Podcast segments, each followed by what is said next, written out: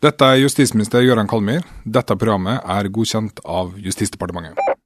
Jeg tror jeg har fått øye på de mistenkte. Over. Hva ser du? Over. De har gått inn en dør. De slår på noe som ser ut som en eh, maskin.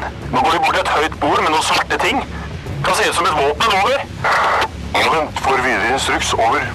Nei, vent! Det kommer på en rød lampe. Over. Røverradioen. Norsk fengselsradio. Hei, Kristian. Ja. Hva føler du nå? Nei, jeg er jo litt eh, spent. Det kommer jo viktig, storfint besøk. Hva mener du, Karim? Nei, jeg er første dagen min på radio, og jeg får en bra start, da. ja, Røff start. Ja, men det er bra. Vi får besøk av han som styrer hele Justis-Norge. Ja, dagen er jo endelig her, og siden Røverradioen nå ble starta opp, så har vi jo drømt om å få justisministeren på besøk. Eh, eh, nå kommer han jo faktisk eh, ganske snart spaserende inn i, i studio her. Mm. Er nede i gangen eh, Tobias? Skål, da. Har han bæsjen med seg? Ja, han går, går inn døra nedenfor. Det er jævlig mye folk. Hva- Hvor mange var det? Det er jo hele administrasjonen, sikkert.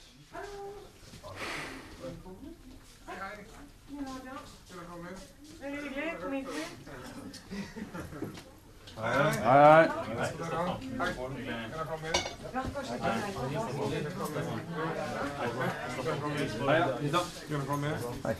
Jeg vet ikke om du er stressa eller nervøs, men eh, det går bra for ikke sant?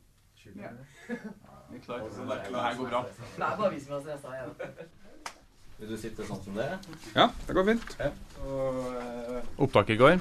opptak i går, hva, hva spiste dere til frokost i dag? Ja, alle sammen. Nei, det var litt pizza fra i går, da. Jeg har ikke spist noen ting siden jeg faste. Og jeg spiste frokost i går. I dag.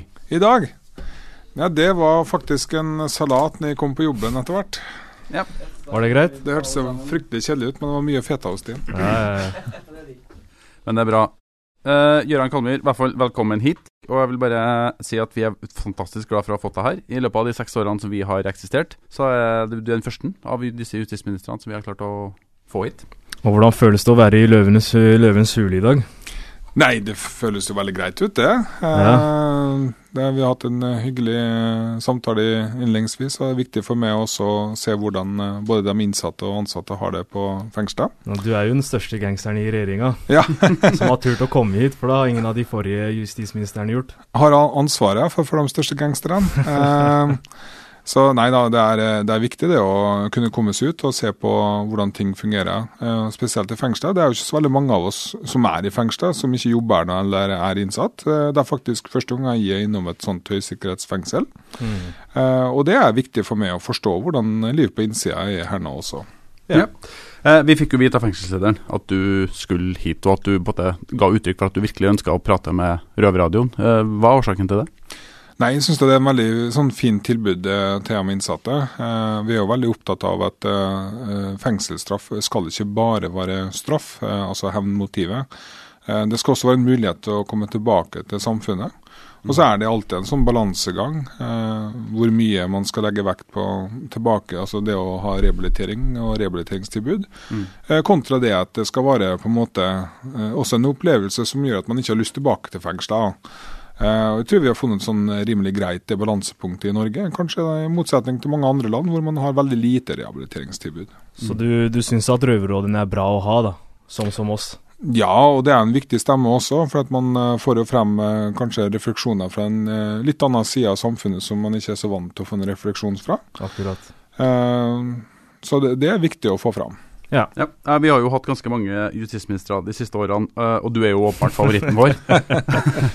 ja, de har jo kommet og gått litt, men du er i hvert fall favoritten siden du har kommet hit. Eh, Hva er Det som, altså det kommer kanskje ikke som overraskelse at vi som sitter her, har mange spørsmål. Så jeg bare lurer på om du er klar for å starte på de? Bare kjør på. Ja, det er bra.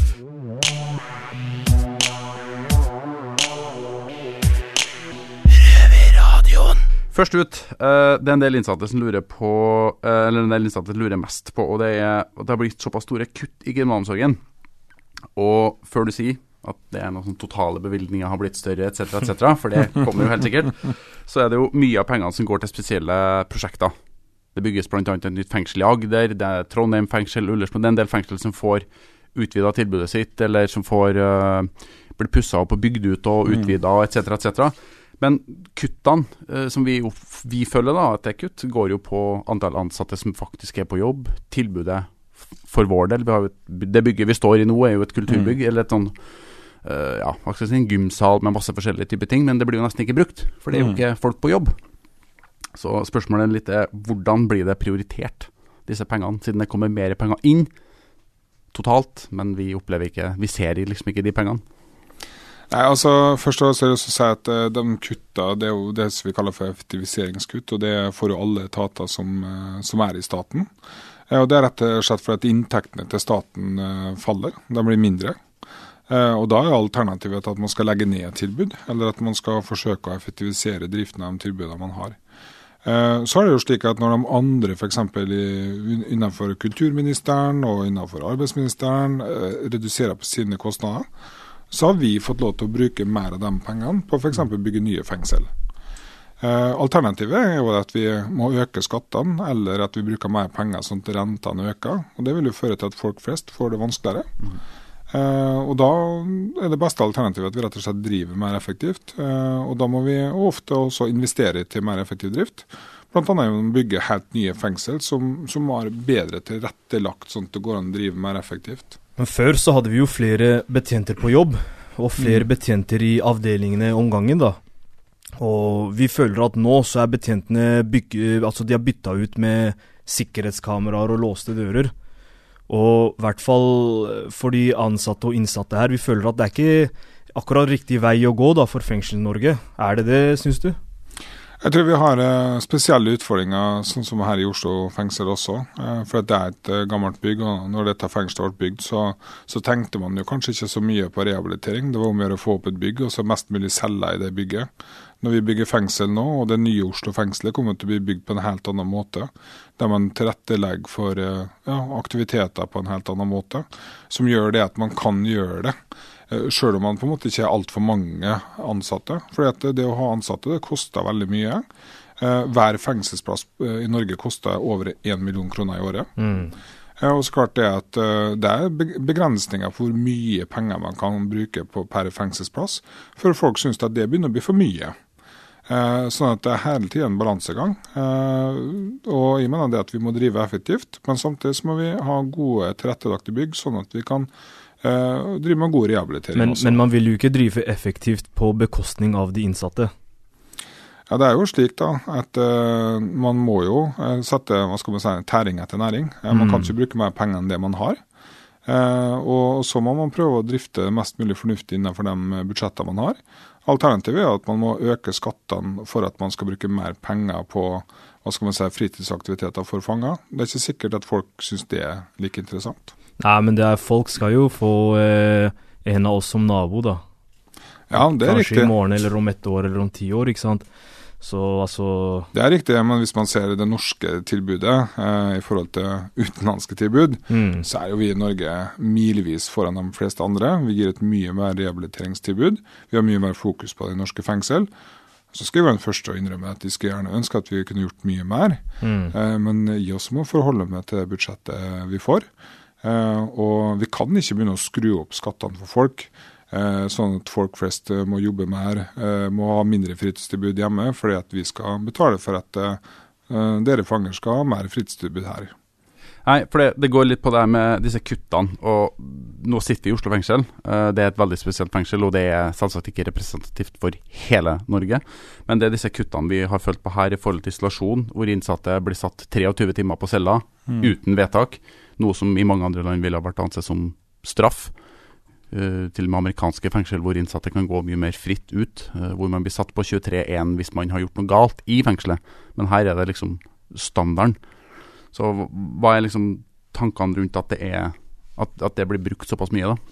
Jeg er klar over det at eh, mange andre land har eh, hva skal man si, mye mer åpne fengsel, men eh, da skulle dere sett rapportene hvor- hvordan man ser på menneskerettighetene i de fengslene også. Ja, for der er jo er sikkerheten ekstremt mye lavere for de innsatte. Eh, sånn at det er en bakside ved det også. Det er som når jeg snakka i FN en gang om norsk isolasjon, at det tok vi på alvor. Så skjønte mange andre land ikke helt problemstillinga, for de har jo 50-60 stykker på cella. Eh, det er jo kanskje det er jo fullstendig det andre ytterpunktet.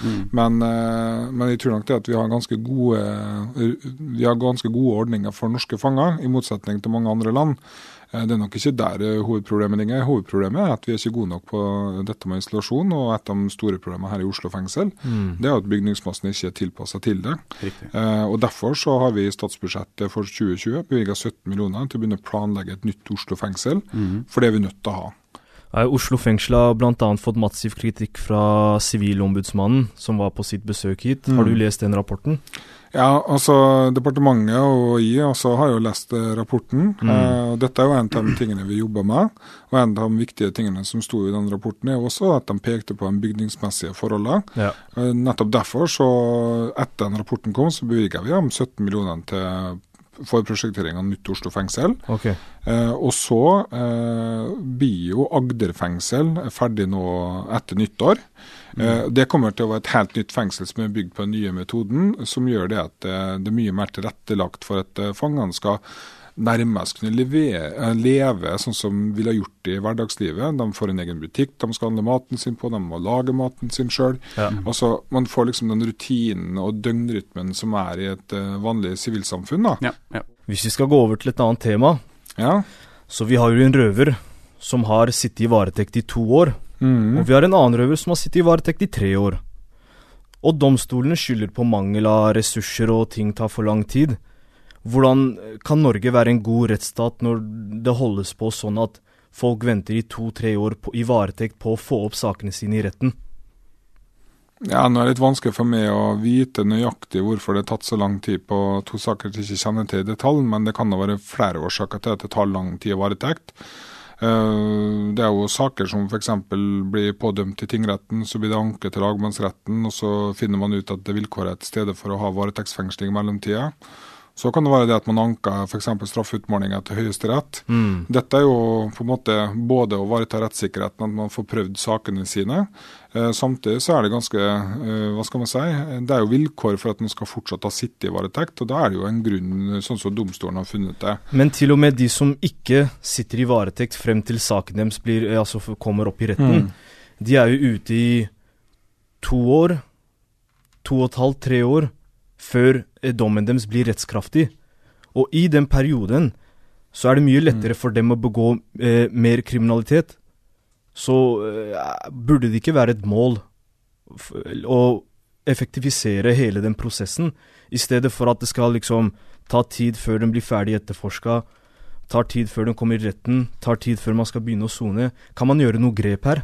Ja, definitivt. Det kan man gjøre. Eh, Og spesielt i forhold til de yngre lovbryterne, eh, så mener jeg at det er veldig viktig at vi får til raskere prosesser. Men samtidig så, så er det jo slik også at vi må jo etterforske saken ferdig. Eh, og man må også ivareta rettssikkerheten til dem som blir utsatt for denne etterforskninga. Så det er mange grunner til at det av og til kan ta litt tid. Eh, Men det er ingen som har et mål om på en måte å utsette den prosessen. Alle prøver å jobbe så fort de kan. Men eh, det er jo også slik da at man har en, eh, man har en rettssikkerhet gjennom at man kan bruke anke og den type ting her. Og, og klart at mange vil jo prøve saken sin for lagmannsretten, og mange tar den jo helt til Høyesterett også. Mm.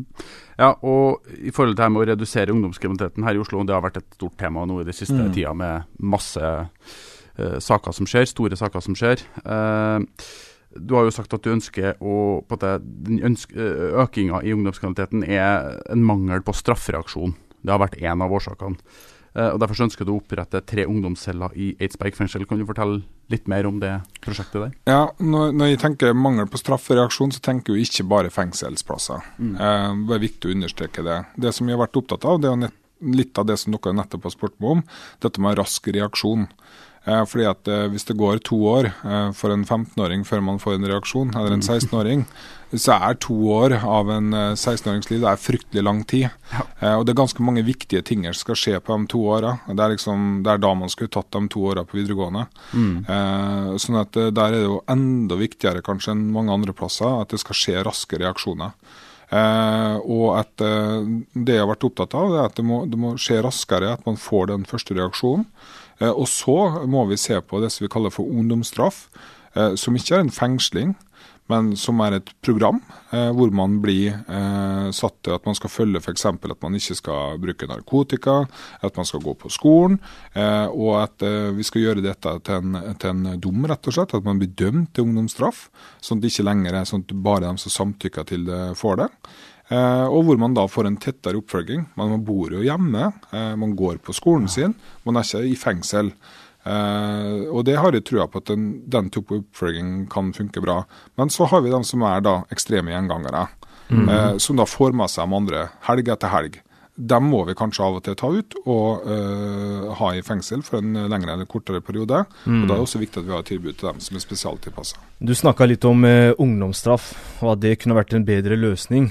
Eh, jeg kan si da at for meg, da jeg var eh, 16-17 år gammel, så fikk jeg ett år ungdomsstraff Mm. i stedet for fengsel.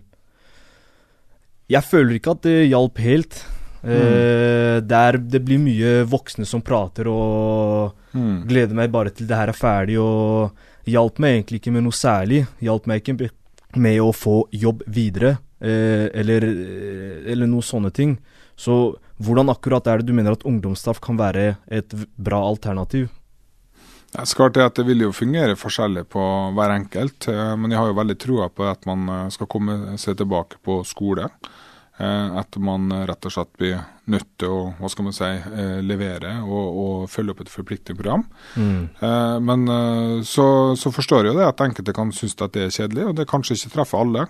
Men vi har en forpliktelse også til at vi har prøvd veldig mange virkemidler før vi skal putte ungdommer i fengsel. Eh, sånn at eh, vi har en samfunnsforpliktelse også til å prøve ungdomsstraff eh, før man går over til å bruke fengsel som et alternativ. Ja. Ja, eh, vi har jo en redaksjon i, i Eidsberg, og flere av de som har sona der tidligere, har vært litt skeptisk til løsninga med å ha de, de verste av de verste på en måte sittende der. Eh, litt annet, for at Eidsberg er jo ikke som f.eks. Halden fengsel eller Bastøy eller noe sånt. Et fengsel som kanskje ikke ser ut som et fengsel, med tanke på høye gjerder, piggtråd etc. etc. Å ha disse verstingene, som du sier. er jo jeg er helt enig. Jeg tror det er veldig viktig å få luka de ut. Spesielt hvis det er de som egler opp og får med seg andre. Da er det jo ekstremt viktig å få plukka de ut. Spørsmålet er hvordan skal de på at kunne Hvordan skal de følges opp uh, når de er i Eidsberg, og hvorfor akkurat Eidsberg fengsel? Ja, det er fordi at Eidsberg fengsel har hatt erfaring i å ha personer under 18 år eh, før. Uh, vi har jo noe som heter for ungdomsenheter. Eh, Da har vi åtte plasser, noen i Bergen og noen på, på Ullersmo. Uh, og Det er også aktuelt å utvide akkurat de plassene, men det tar jo tid å utvide, for da skal man bygge.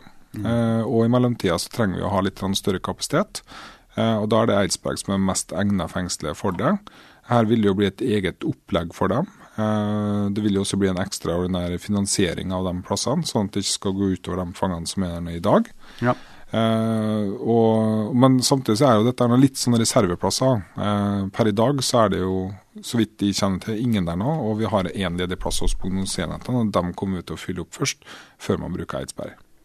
Ja, og det er jo litt det det går i. Uh, altså Røverne i Eidsberg som forteller at det finnes jo ikke noen egen sånn direkte ungdomsavdeling på Eidsberg. Spesielt for de som er uh, Ikke noen egen satsing for de som er under 25. Eh, men selvfølgelig, 25 så er du yngre, men det er jo ikke noe eget for de som er yngre enn 25 der. Hva tenker du om det? Nei, altså, jeg, er fullstendig klar over at uh, dette er jo ikke et ungdomsfengsel. Og som sagt, uh, vi ser jo for oss at vi kommer til å utvide antall ungdomsenheter, men det tar jo litt mer tid. Slik de som er i Bergen og I på Eidsvoll. Ja. greit. Eidsvoll er det vel, ja. Ja. Mm. Ja, altså, fordi jeg tenker at Ved å sende dem til Eidsberg fengsel, så sender man jo i teorien, da, spesielt hvis du er under 18 år, praktisk talt barn i fengsel. Og mange Noe Norge av, at de ikke skal gjøre. og sånn. mange av de yngre kriminelle vi har her i fengselet, hvis vi snakker om de som er i sen, sen tenårene, opp til uh, veldig ung voksen, da. De, uh, de viser de, Altså, når man låser en ungdom inn sånn 22-23 timer om dagen ja, Man må være- litt naiv da, hvis man tenker at det er, en, eh, det er noe som kan rehabilitere vedkommende, da. Mm. Ja, og dette er vi fullstendig klar over. Derfor har vi også begynt å sette på Kunne vi hatt et annen type fengsel, et mer sånn åpent fengsel, der eh, man litt etter modell hva skal man si, fra, fra de åpne anstaltene. Men samtidig at man har liksom eh, innetide og at man har et tett program, eh, der det er fokus på at man skal restarte skolegangen. Der at man tar personene vekk fra miljøet, eh, og der man har fokus på jobbtrening. eh, Og at det er et stykke unna Oslo. Eh, Det er en ting som vi nå ser på, eh, rett og slett for å lage et litt sånn annet alternativ. For at både på ungdomsenhetene eh, og på Eidsberg så er det en ganske høy grad av sikkerhet. Eh, Og det er ikke sikkert at det treffer så godt f.eks. For, for en 16-17-åring som kanskje går rundt og kjeder seg i Oslo og ikke har så mye å finne på, og føler at skolen er skikkelig kjedelig. Og så begynner man å snakke litt med de eldre gutta og syns de er tøffe, og så er det å begynne å gjøre de første brekka. Eh, og det er jo den målgruppen der. eh, Jeg, jeg tror det at vi må ha et litt annet tilbud enn det vi har i dag.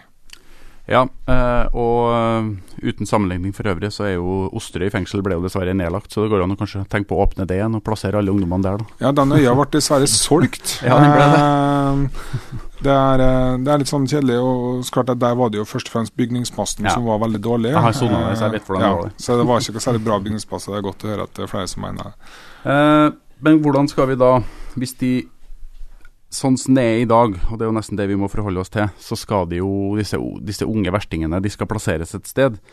De skal da plasseres per nå i Eidsberg fengsel, men hvordan skal vi hindre at de kommer i kontakt med voksne kriminelle, og at de skal få nye forbilder der inne? Ja, altså dette her nå Eidsberg fengsel er jo ment som en sånn reservekapasitet. Eh, Det er ikke meint at det skal vare på en måte den varige plassen. Eh, Men sånn sånn situasjonen eh, var for bare noen uker siden, så, så var det på en måte for lite kapasitet. Eh, Nå har vi jo egne, eh, egen kapasitet på ungdomsenhetene igjen. Eh, Men dette vil jo variere litt. Eh, Mange av dem som eh, blir dømt til fengsel, er dem som er under 18 år. Eh, De har gjort såpass alvorlige ting at de først har vært i varetekt en stund, så at de har ofte sona ferdig i varetekt. Eh, sånn at eh, det er litt sånn vanskelig å beregne akkurat kapasiteten. Derfor er vi nødt til å bygge ut eh, ungdomsenhetene, sånn at vi har en varig kapasitet på dem som er under 18 år. Men i mellomtida så må vi ha en reservekapasitet, og det vil være Eidsberg. Men da tenker du mer sånn som det som er på Eidsvoll og i Bergen? Ja, da tenker jeg Ja. det er det som vi ser for oss å bygge ut varehus. Samtidig så vil vi da se på skal vi ha et annet type eh, tilbud eh, som er litt mer sånn nedtona i forhold til sikkerhet. Der vi har mer fokus på rehabilitering, men som skal da være tilpassa bare dem som er under 18 år. Yes, da er vi litt ferdig med det med ungdomskrimmen og den biten her. Så jeg tenkte egentlig bare å kjøre litt videre på et litt annet tema her, og det går på Tidligere så har du snakka om å utvide eh, muligheten for å beslaglegge eiendeler hvis det er mistanke om at disse er anskaffa på uredelig vis. Kan du fortelle litt mer om det? Ja, altså Det som har vært veldig viktig, det er jo det at ikke dem som eh, kjører rundt med en eh, hva skal man si, en feit bil, har feite gullkjeder, gullklokker, Rolex-klokker, som er anskaffa ved hjelp av f.eks. narkosalg, at ikke dem skal få lov til å være forbilder til morgendagens ungdom. Eh, F.eks. i Groruddalen. Det er så mange eh, minoritetsungdommer som er kjempeflinke på skolen, blir advokater, leger, tannleger, alt sånt der nå. Jeg ønsker at det er dem som skal være forbilder, eller dem som er elektrikere, rørleggere, som sliter fra morgen til kveld, men som rett og slett brødfører sin familie. Det er de som skal være forbilder. Men hvor ligger terskelen for å frata folk eiendeler? Ja, altså den Terskelen skal jo ligge på at det, det må jo være sannsynliggjort eh, at dette her nå stammer fra kriminell virksomhet. Ja. Så hvis en person eh, kjører forbi Stovner med en eh, BMW M5 og har Rolex på hånda og blir stoppet av politiet, og politiet tror at den klokka er eh, kjøpt for kriminelle penger, er det sånn at politiet kan ta den på stedet? Eh, Så langt har vi ikke kommet faktisk i vurderingene ennå, men uh, ut ifra det forslaget som vi har eh, sagt, så, så vil det jo ikke være det. For det, må, det må ligge noe mer bak det. Eh, Det må ligge en slags etterforskning eller en slags utredning. Ja. Eh, men eh, så klart det at eh, hvis du kjører eh, og du går på Nav, eh, og f.eks. er sykemeldt eller du er eh, eh, eller går på sosialen da, og ikke har noe inntekt, og du har en Rolex-klokke til 500 000, da skal du være god til å forklare det. Så da, da kan man f.eks. ta den Rolexen? Ja, og da ville den be- beslaglagt inntil man har fått avgjort om man faktisk har hjemmel, altså om man har lov til å beslaglegge den Men er ikke, det, er, det, er ikke det litt problematisk at man da beslaglegger en klokke uten direkte bevis på at den er skaffet med kriminelle penger? Altså nå, altså i Norge så er det jo sånn at man er jo uskyldig til det motsatte er bevist. Og blir ikke det litt feil? Ja, men jeg syns også det er feil det at uh, man skal kunne rett og slett uh, selge narkotika. Uh, skaffe seg symbolverdier og, og statussymboler. og tiltrekke seg andre ungdommer til å komme inn i det kriminelle nettverket med å flashe disse verdiene. Fordi at det gjør det at mange tror det, etter beste her i livet, det å kunne bli kriminell. Men all erfaring tilsier at det er ikke særlig holdbart på lang sikt. Nei, men nå, men nå har vi jo ikke snakka om en person som er kriminell. Vi, altså, vi snakker om hva Ja, vil, en, for eksempel en vanlig vilkåret, vilkåret er jo at man må ha sannsynliggjort at dette stammer fra en kriminell handling. så, Ja, akkurat. Men uh, uten da direkte bevis. Man, man, man går på følelser. Nei, altså hvis man har sannsynliggjort det, så må Mm. man jo ha bevis. Så man må ha direkte bevis, da. Ja, altså Det som er forskjellen da, på f.eks. strafferettslig bevis og det som er forskjellen på forvaltningsmessig bevis, det er jo at eh, i en straffesak så må du ha bevist uten enhver tvil at eh, denne klokka her nå stammer fra f.eks. det og det narkosalget. Eller at eh, det er narkosalg som er finansieringskilden her nå. Mens på et forvaltningsmessig bevis må du kunne sannsynliggjøre med mer enn 50% sannsynlighet. Eller det kan også hende at man setter vilkåret på kvalifisert sannsynlighetsovervekt. At det må være 75% sannsynlighet det er anskaffet pga. Kriminelle, kriminelle handlinger. Ja, og det, det er jo litt det det går på. Uh, jeg er for så vidt enig med deg i at uh, hvis du går og flasher rundt med disse tingene der, så bør man ha mulighet til å se på ting. Men jeg personlig ser hvorfor du og justisen ønsker å se litt på det. Problemet mitt er mer prinsipielt i forhold til rettsprinsippet, med at du tross alt skal være uskyldig inntil det motsatte er bevist. Og jeg blir veldig litt redd for at hvis det er mandatet da, til å gå rundt og å ta ting og begynne å beslaglegge ting og sånne ting, blir satt til politiet, og at det er politiet sjøl som skal gå rundt og, og styre det grann her. Da tror jeg det kan være enten noen som er trigger-happy, eller på annen måte begynner å beslaglegge ting, og så blir det liggende kanskje på et politikontor i månedsvis inntil du klarer å bevise at jo, den klokka fikk jeg faktisk av faren min. Jeg arva den, han kjøpte den i Irak for Mm. 40 år siden, liksom, og det er jo kul umulig å få bevist det. Det finnes jo ikke noe kvittering, det finnes ingenting. Så ja, du er dømt for narkotikasalg. Du har, vært, du har flere dommer på deg, du har blitt arrestert av politiet. Det er masse støff eh, som du har på deg. Men den klokka er faktisk ikke anskaffa gjennom ulovlige midler. Og da bryter det litt med noen rettsprinsipper hvis politiet bare kan gå og ta den. Og det blir din jobb, du må bevise at du ikke har gjort noe galt. Ja, men, eh, men det er også slik da, at eksempel, hvis du da er mottaker av sosialhjelp, eh, så har du en forpliktelse for eksempel til å skulle selge den klokka og livnære deg sjøl før du mottar sosialhjelp. Yes. Så dette her noe må vi se i en sammenheng. Mm. Når det gjelder sosialhjelpen, så er jeg for så vidt helt enig i det.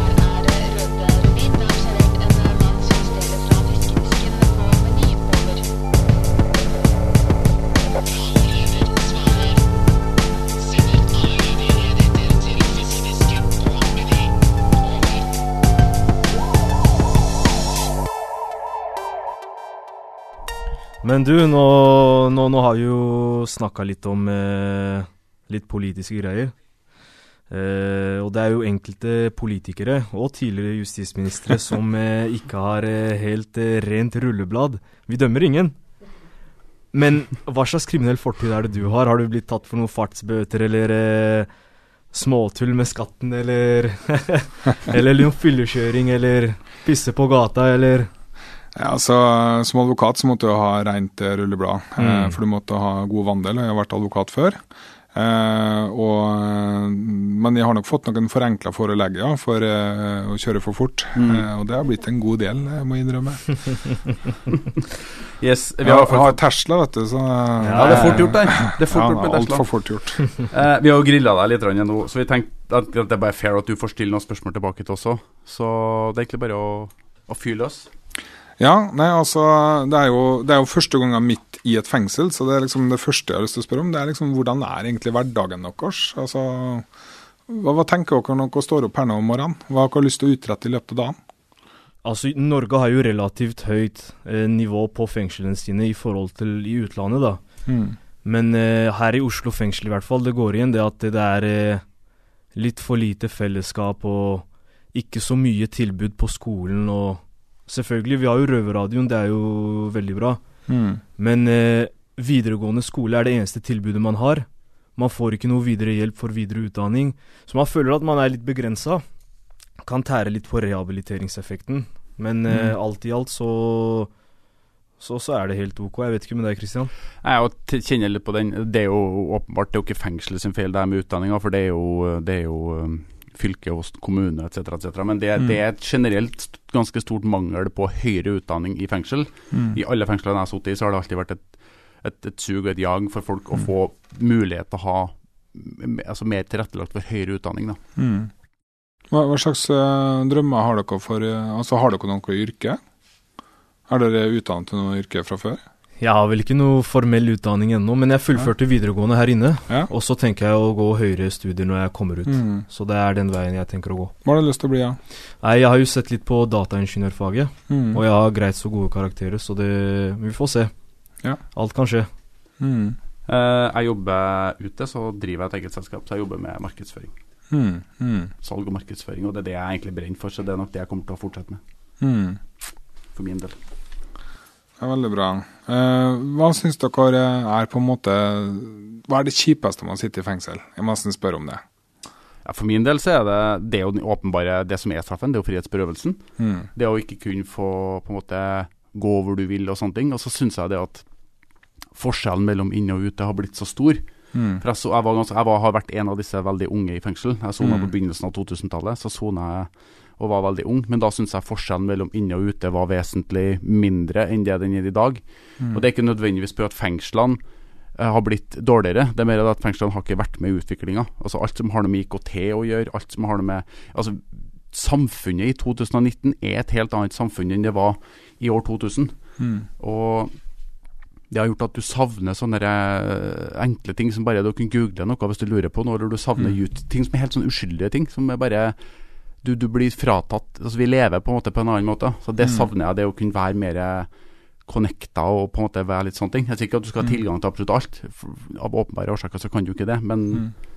samtidig så er det Jeg syns forskjellen for, eh, har blitt bare større og større og større. Og det er det jeg Mm. savner mest. da Og jeg tror Mm. der har justisen og kriminalomsorgen mye å gjøre i forhold til Mm. en liten IT-revolusjon i den Ja. verdenen her. Hvis du var direktør for eh, Oslo eh, kretsfengsel, eh, hva ville du gjort da? For en dag? Nei, nå, nå, nå, nå ser jeg på Du får ikke lov til å mannen. slippe deg sjøl ut, da. Nei, ok. Hvis jeg ikke, hvis jeg ikke skulle ha sluppet meg selv ut, så hadde jeg faktisk tatt Så hadde jeg faktisk tatt noen delte celler. Mm. Der man kan sone med en som man er venn med, for å Mhm. slippe den eh, isolasjonen. Mm. Så hadde jeg tatt eh, Så hadde jeg lagd et tak i luftegården, fordi vi får jo ikke ly for været når det regner. Så hadde jeg kanskje putta inn litt DVD, og ikke sant, det hjelper på hjernen, altså Ha DVD, ha litt sånne ting som eh, får tida til å gå, da. Mm.